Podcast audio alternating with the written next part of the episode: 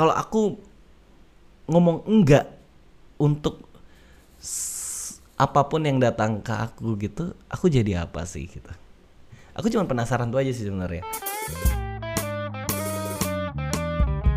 Hey, selamat datang di Lucky Escape Podcast. Hari ini tanggal 8 eh bukan tanggal 8, tanggal 14 bulan 8 2020 ya. Gak terasa corona udah ya berbulan-bulan bagaimana new normalnya? Apa kamu udah terbiasa atau menormalkan keadaan ini dan hidup dalam bayang-bayang ketakutan? Oh, serem. Iya. Eh, yang pasti mudahan kamu semua, kamu yang dengar podcast ini dan kamu semua yang nggak dengar podcast ini, semoga kita semua sehat. Asik. ini mungkin opening paling religius yang pernah aku lakuin ya. Oke, hari ini nggak tahu kenapa rasanya capek banget, capek banget, capek tapi capek nggak ngapa-ngapain. Kamu tahu nggak rasanya capek tapi nggak ngapa-ngapain gitu. Kalau capek tapi kamu do something dan ngasilin sesuatu itu satisfying gitu. Tapi ini ini capeknya kayak ya cuman nongkrong, ketemu klien ya, ya klien juga nggak jelas gitu.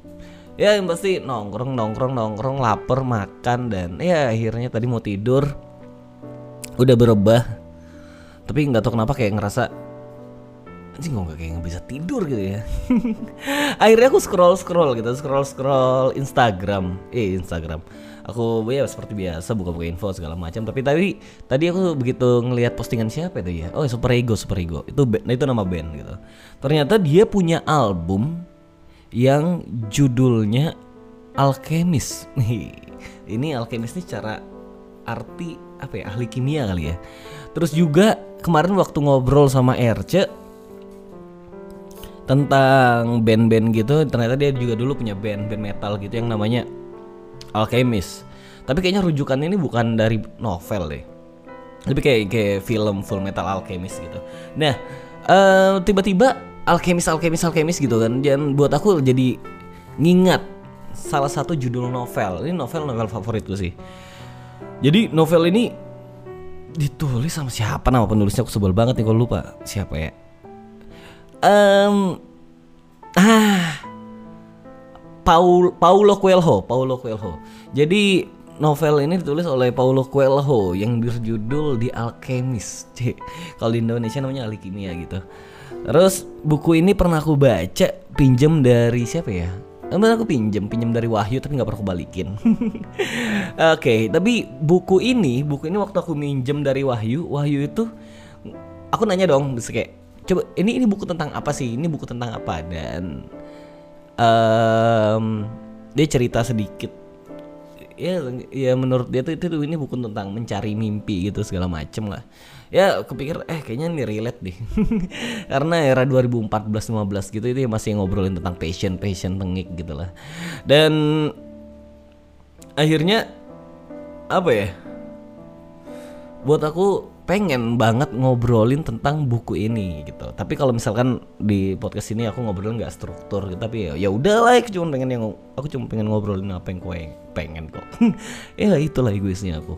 Tapi ngomong-ngomong soal buku Alchemist, kalau kamu pernah baca, ya berarti nggak usah aku deskripsiin terlalu fisik gitu ya.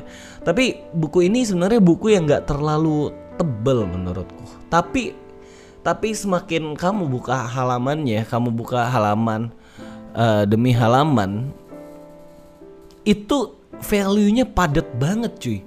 Dari awal enggak enggak, mulai banyak menurut aku mulai banyak value itu tengah-tengah ke belakang deh kayaknya. Nah, sebelum aku masuk ngobrolin tentang buku ini, apa sih yang ditulis di buku ini dan bagaimana ceritanya? Eh mungkin sedikit cerita tentang latar belakang buku ini yang pernah aku dapat gitu. Jadi buku ini awalnya itu aku lupa di tahun berapa ditulis gitu, tapi ternyata yang bikin buku ini meledak itu dicetakan yang keberapa ya? Cetakan yang kedua. Jadi dia eh ya ini dia di cetakan kedua. Iya deh kayaknya ini cet dia bukan eh bukan cetakan kedua deh. Pokoknya ada banyak yang yang pasti kalau salah cetakan pertamanya itu kurang gitu kan Terus eh, ada satu penerbit yang cetak ulang dan ada satu orang turis gitu, turis dari Amerika kalau nggak salah, yang ngebawa buku itu ke Amerika. Iya kayaknya gitu. Dia dia dia, dia turis terus dia baca buku itu di Brazil, and then dia bawa buku itu ke Amerika. Terus di Amerika tuh buku dicetak ulang gitu gitu, kalau nggak salah ya. Eh, dia dicetak ulang terus iya, yang cetak buku itu siapa? Itu tahun 1193 tuh, banget tua banget tuh di buku. Tapi akhirnya setelah itu itu buku ternyata ternyata pecah banget cuy. Dan akhirnya tuh buku dicetak ke 119 negara dengan bahasa masing-masing. Anjing keren banget sih ini buku emang. Kayaknya buku ini ada ini punya buku ini akhirnya punya banyak prestasi dan dinobatkan sebagai ya salah satu buku fiksi terbaik. Em, ya, jadi sedikit cerita buku ini tuh tentang ini cuy, tentang pencarian mimpi. Anjir. Jadi buku ini tentang orang nama nama karakternya tuh si ini Santiago. nama kayak nama kayak nama, kayak nama kandangnya ini ya kayak, kayak nama kandangnya sini ya Real Madrid Santiago Bernabeu. Jadi em aku coba ntar gimana cerita. Jadi ceritanya sedikit cerita ke intinya si Santiago ini eh, seorang gembala gitu. Dia gembala domba gitu. Dia gembala domba and dia ini apa dia dia dia dia dia dia, dia, dia dapat mimpi deh kayaknya. Iya. dia dapat mimpi tentang harta karun. Dia dia dia akhirnya eh, menjual domba-dombanya ini untuk pergilah pergi mencari harta karun ini gitu. Nah, yang menarik di sini aku itu kan orangnya aku tuh orangnya nggak anjing sosok self proclaim gitu nggak itu sosokan aja tapi kalau menurutku kan ketika seseorang em, mengejar mimpi itu faktornya dua hal.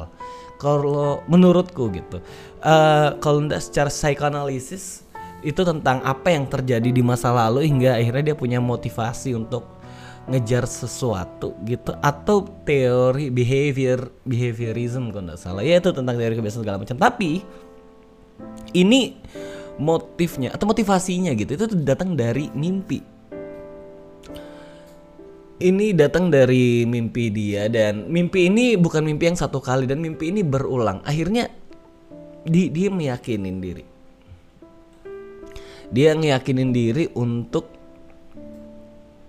jalan ke Spanyol kalau nggak salah. Dia kok banyak ngomong nggak salah karena aku ragu-ragu ya.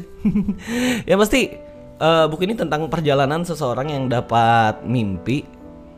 Terus dia mau ngejar mimpi itu. Ini literally mimpi ya. Kayak ketika dia tidur dia dapat mimpi bukan sesuatu yang angan-angan atau motivasi di tentang masa depan bukan, tapi tentang mim- dia dapat mimpi tentang sebuah harta karun di mana dia harusnya melakukan sebuah perjalanan gitu.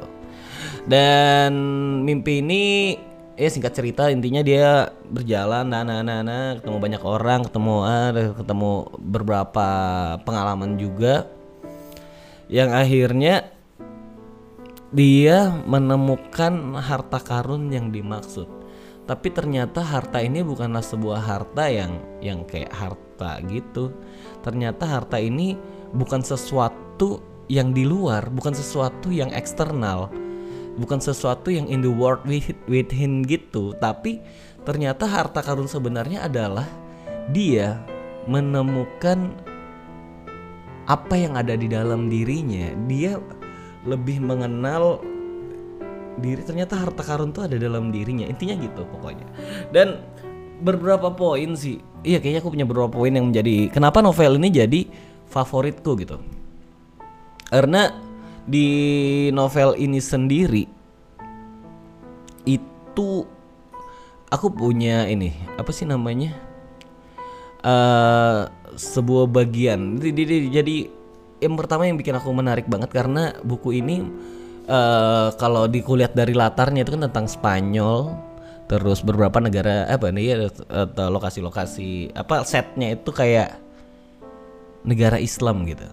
Eh tentang Andalu Andalusia terus juga ada oasis kayak padang gurun gitu terus juga dia bawa akhirnya endingnya kalau nggak salah tuh latar setnya tuh di Mesir gitu. Ya bikin aku tuh kayak berangan-angan cie menerka-nerka gitu. Tapi kalau menurutku ku baca dari diksi-diksinya terus kayak gimana dia menggambarkan itu itu kayaknya dia menggambarkan suatu latar di era di mana itu kayak kondak abad-abad keberapa gitu kayak abad ke-15 atau ke-17 gitu di mana area itu itu kayaknya itu era kejayaan Islam deh.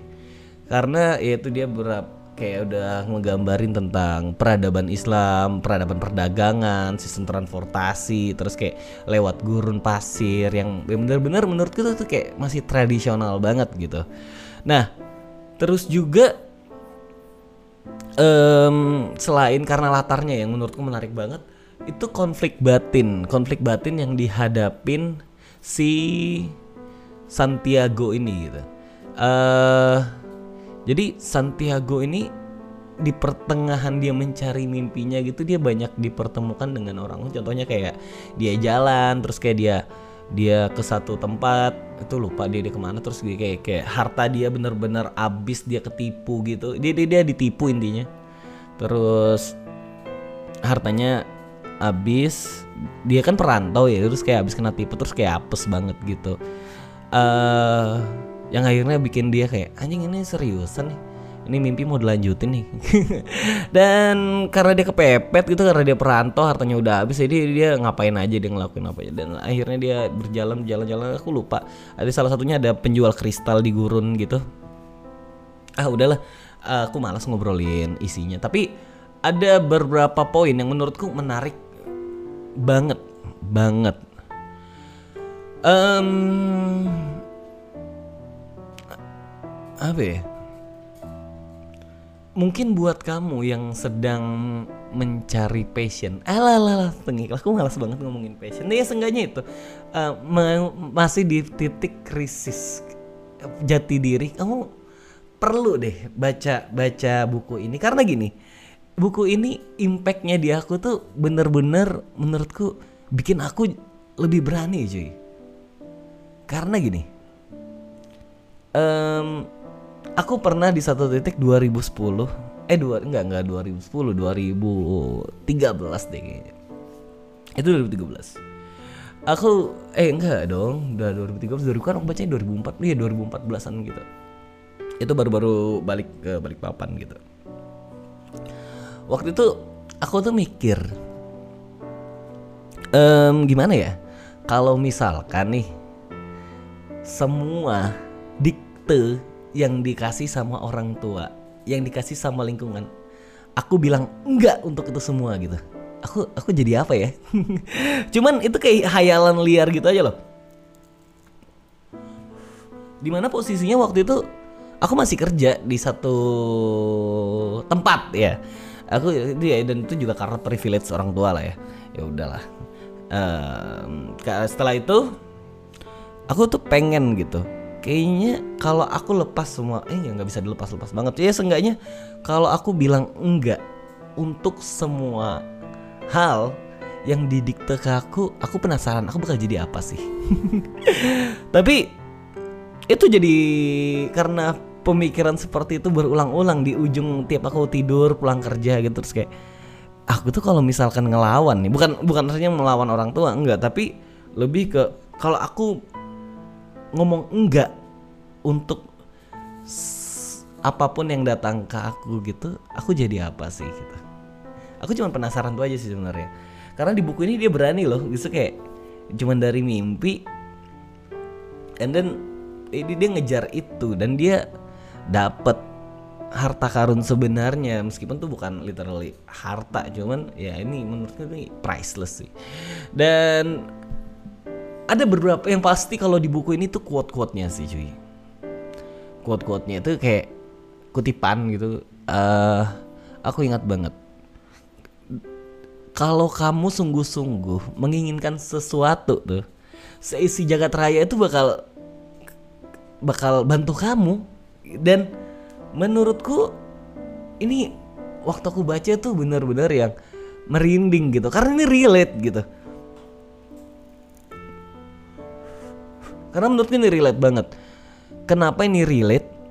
Karena ketika kamu beneran gitu, kayak ketik- karena ketika kamu beneran mau ngejar sesuatu, ketika kamu mencari lingkungan yang tepat, aku yakin itu kayak jalan tuh bener-bener kebuka dan jalan yang kamu pengen tuju itu kayak banyak kejutan gitu Se- selama selama kamu kita ya eh kita lah ya biar lebih persuasif.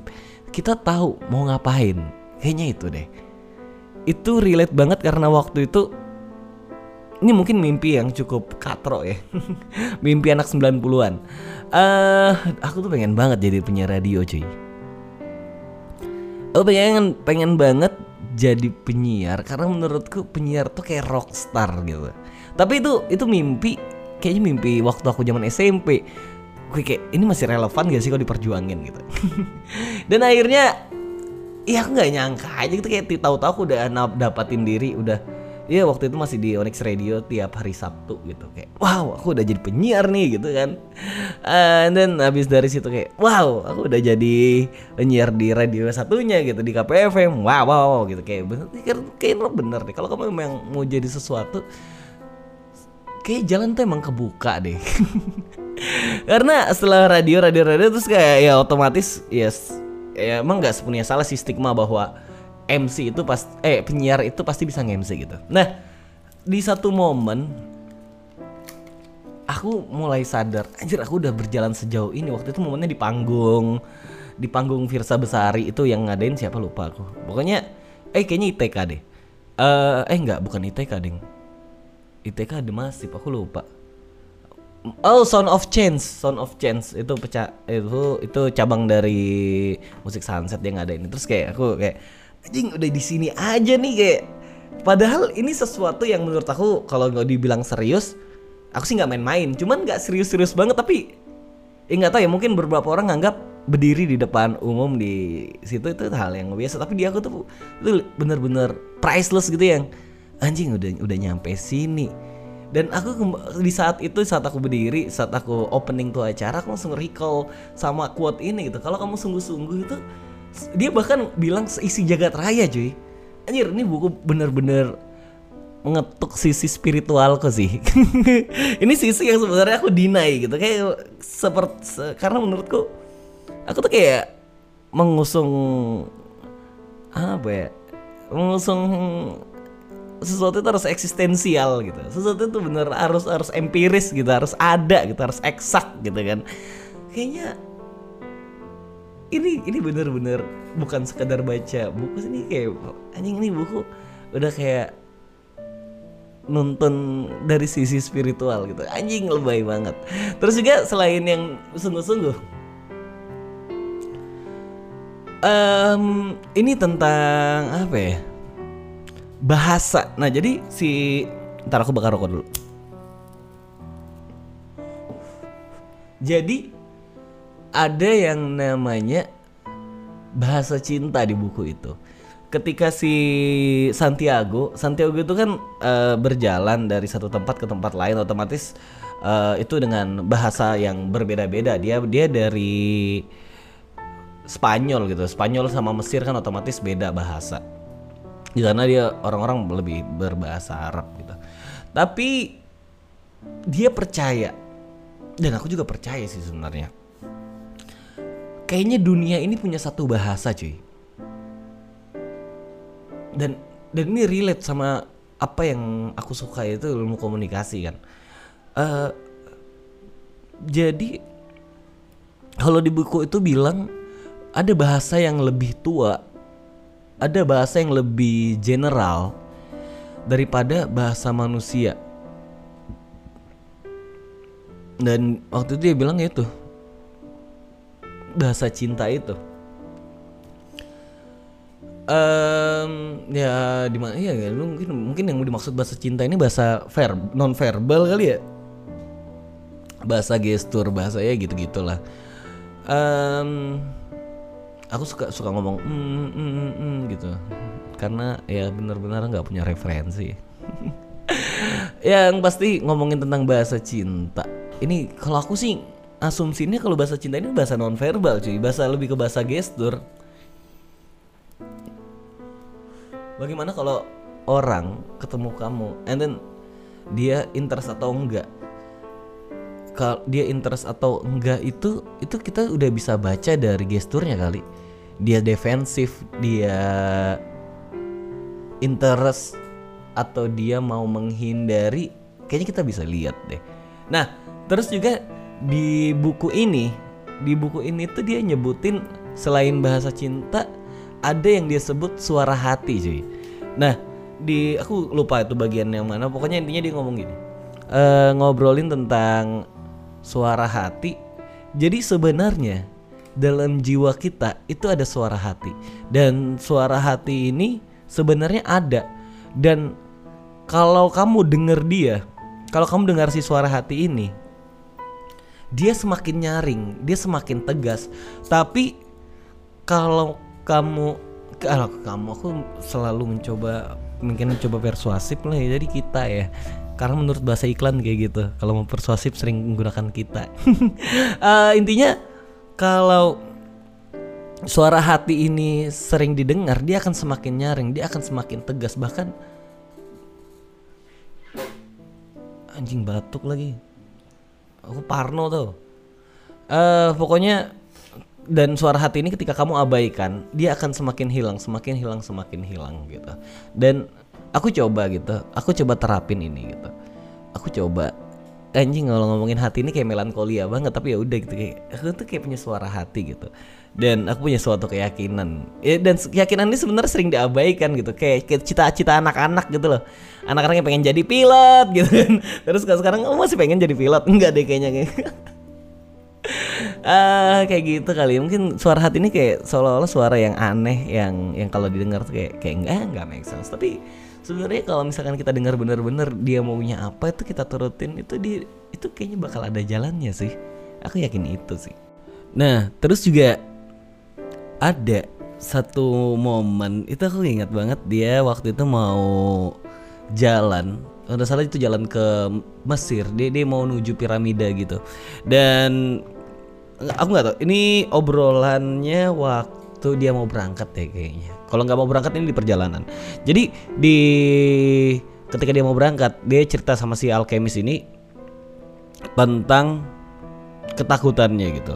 Karena waktu itu uh, transportasi masih tradisional benar-benar naik unta dia jalan dengan berkelompok. Dan si Santiago ini punya ketakutan tentang perjalanan ini sendiri. Karena perjalanan ini bukan perjalanan yang satu hari atau berapa ya, ya berapa. Ya ini perjalanan lama banget berhari-hari terus dia worry banget gitu. Di mana dia menanyakan tentang resiko yang bakal dia hadapin. Uh, karena waktu itu masih ya zaman konvensional eh, penjahat udah ada. Di perjalanan itu gimana ya? Intinya dia tuh takut sama apa yang bakal kejadian. Dia takut dirampok dia takut mati di jalan. Dia takut. Apa aja? Punya dia banyak punya banyak ketakutan. Dan si alkemis tuh menyampaikan mau mati hari eh enggak tahu nih alkemis apa Santiago yang ngomong ya. Pokoknya dia mau mati hari ini atau besok itu gak ada bedanya. Karena menurut dia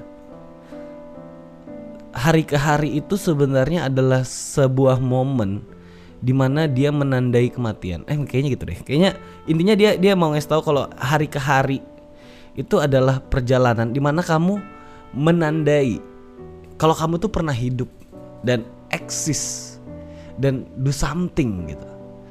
Ya iya juga ya. Kadang aku bertanya sih kayak kalau misalkan aku mati besok gitu kan.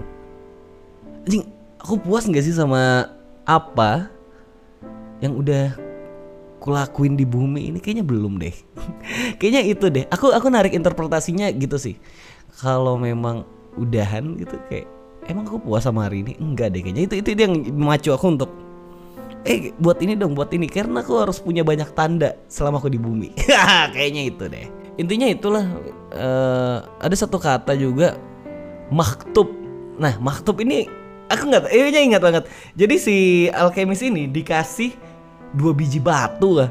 Dan batu ini itu itu itu ngebantu dia buat decision maker gitu. Dia dia dia, dia kalau make decision dia pakai batu itu. Nggak tahu tuh cuma kayak nguatin nyali dia buat decide aja apa apa gimana ya. Pokoknya itu ada ada batu dan itu unik banget menurut aku sih. Dan juga uh, dia disebut ada jiwa buana ada jiwa bumi atau apa gitu yang menurut dia kalau misalnya kita mau sesuatu gitu sepenuh hati itu. Ya jangan setengah-setengah. Do, do something itu jangan setengah-setengah gitu. Dan aku banyak ngomong dan nih udah kayak lagu Salon Seven. Ya intinya aku suka banget nih buku uh, buat kamu yang lagi mengejar mimpi atau kamu lagi insecure tentang hari esok atau masa depan yang masih abu-abu. Kayak kamu perlu men baca buku ini. Aku bukan sales dari buku ini ya cuman buku ini buku ini ngebahas banyak hal tentang perjalanan hidup, mengambil keputusan, bertemu dengan orang. Wah, dia ngajarin komunikasi juga deh kayak di buku ini. Terus juga dia juga ngobrolin tentang relationship, cuy. Karena kalau relationship kuatnya aku lupa. Pokoknya dia ngebahas tentang ini. Uh, cintai orang yang mem memang dia layak dicintai. Eh gimana ya? Orang itu dicintai karena memang ya udah gitu aja gitu. Nggak perlu alasan. Pokoknya intinya gitu. Dia, dia dia dia suka sama orang itu waktu itu dia di di perjalanan dia ketemu seorang wanita gitu dan dia dia suka terus dia ada quote yang kayak gini uh, orang yang dicintai itu karena memang layak gitu. Eh karena emang dia dicinta ya udah gitu aja pokoknya nggak perlu alasan gitu. Yang menurut gue kalau di era modern gini anjing siapa sih yang nggak punya alasan? Semua orang kayak punya alasan deh meskipun di klise terus kayak ah, karena aku nyaman oh my god. Tapi ya tetap aja balik ke alasan sih. Ya aku aku pasti itu kayaknya kalau ngomongin cinta tuh nggak jelas bentuknya sih.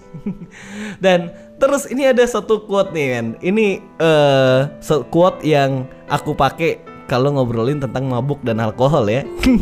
Jadi di quote ini uh, di bagian ini aku suka banget karena kalau berdebat tentang alkohol, aku pakai quote ini.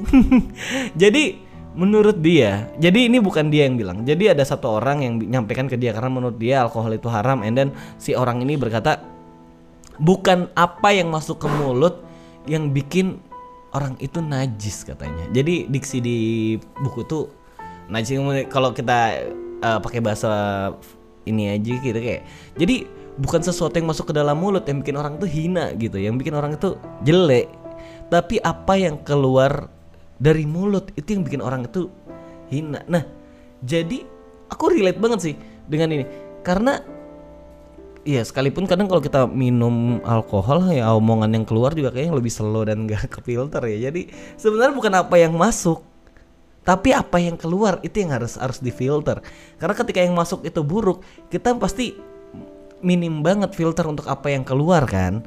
Jadi ya itu sih dia cenderung lebih hati-hati untuk apa yang keluar daripada apa yang masuk. Karena kan kalau yang apa yang masuk tuh ya jujur itu tanggung jawab pribadi kan, itu tanggung jawab personal. Tapi kalau misalkan apa yang keluar nah itu tuh itu mulai berhubungan dengan orang lain mulai berhubungan dengan perasaan orang mulai berhubungan juga dengan kepentingan orang.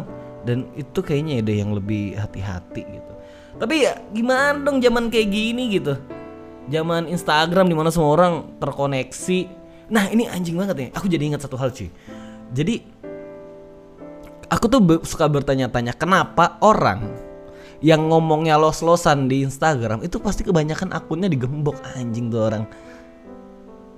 Iya karena mungkin gitu. Karena mungkin ketika dia diidentifikasi sebagai sebuah akun dia ngerasa tanggung jawab dia sebagai personal itu tiba-tiba hilang gitu yaitu akun ya akun itu bukan tidak mewakili seseorang menurut dia mungkin gitu kali padahal uh, aku kemarin baru aja nonton Imperfect ya di salah satu website bajakan gitu. Aku baru nonton gitu. Karena teman-teman banyak yang nyebut tiba kamu nonton deh Imperfect Imperfect gitu. Akhirnya aku nonton filmnya Ernest Prakarsa. Aku baru eh ingat satu hal, di balik akun itu ada hati manusia loh, anjing. Iya deh. Kayaknya orang orang-orang ini kelihatan aslinya ketika dia tidak diidentifikasi sebagai personal. Karena dia mungkin ngerasa ya lah ini jauh juga gitu kan. Ya lah ini gini, mungkin kayak gitu kali ya. Dan juga ketika dia diidentifikasi sebagai sebuah geng atau sebuah kelompok dia lebih berani men.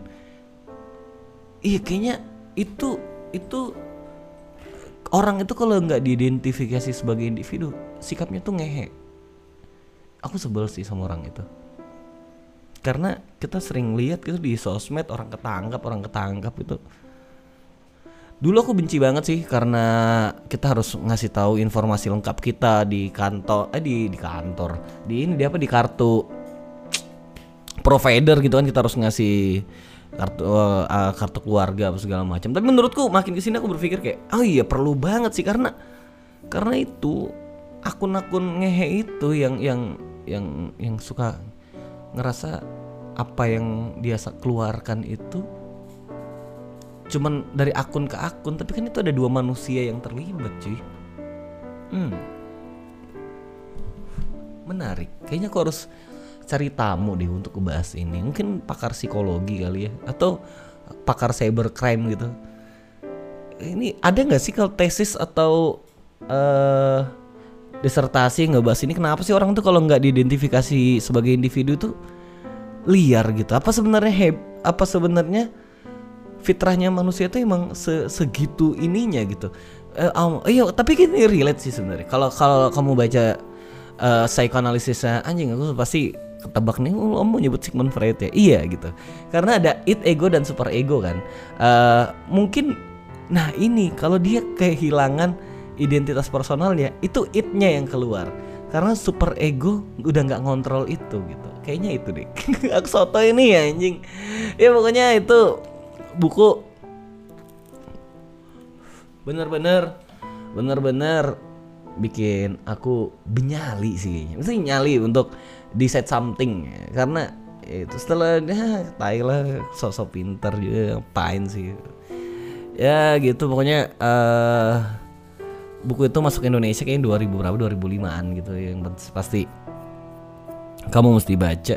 Dan kita nanti bakal ketemu ngobrol deh kayaknya ya udah pastinya uh, itu aja kayaknya. Aku udah mulai ngantuk. Makasih udah mau dengerin. Kalau kamu ngantuk juga ya silahkan tidur. Oke okay, bye bye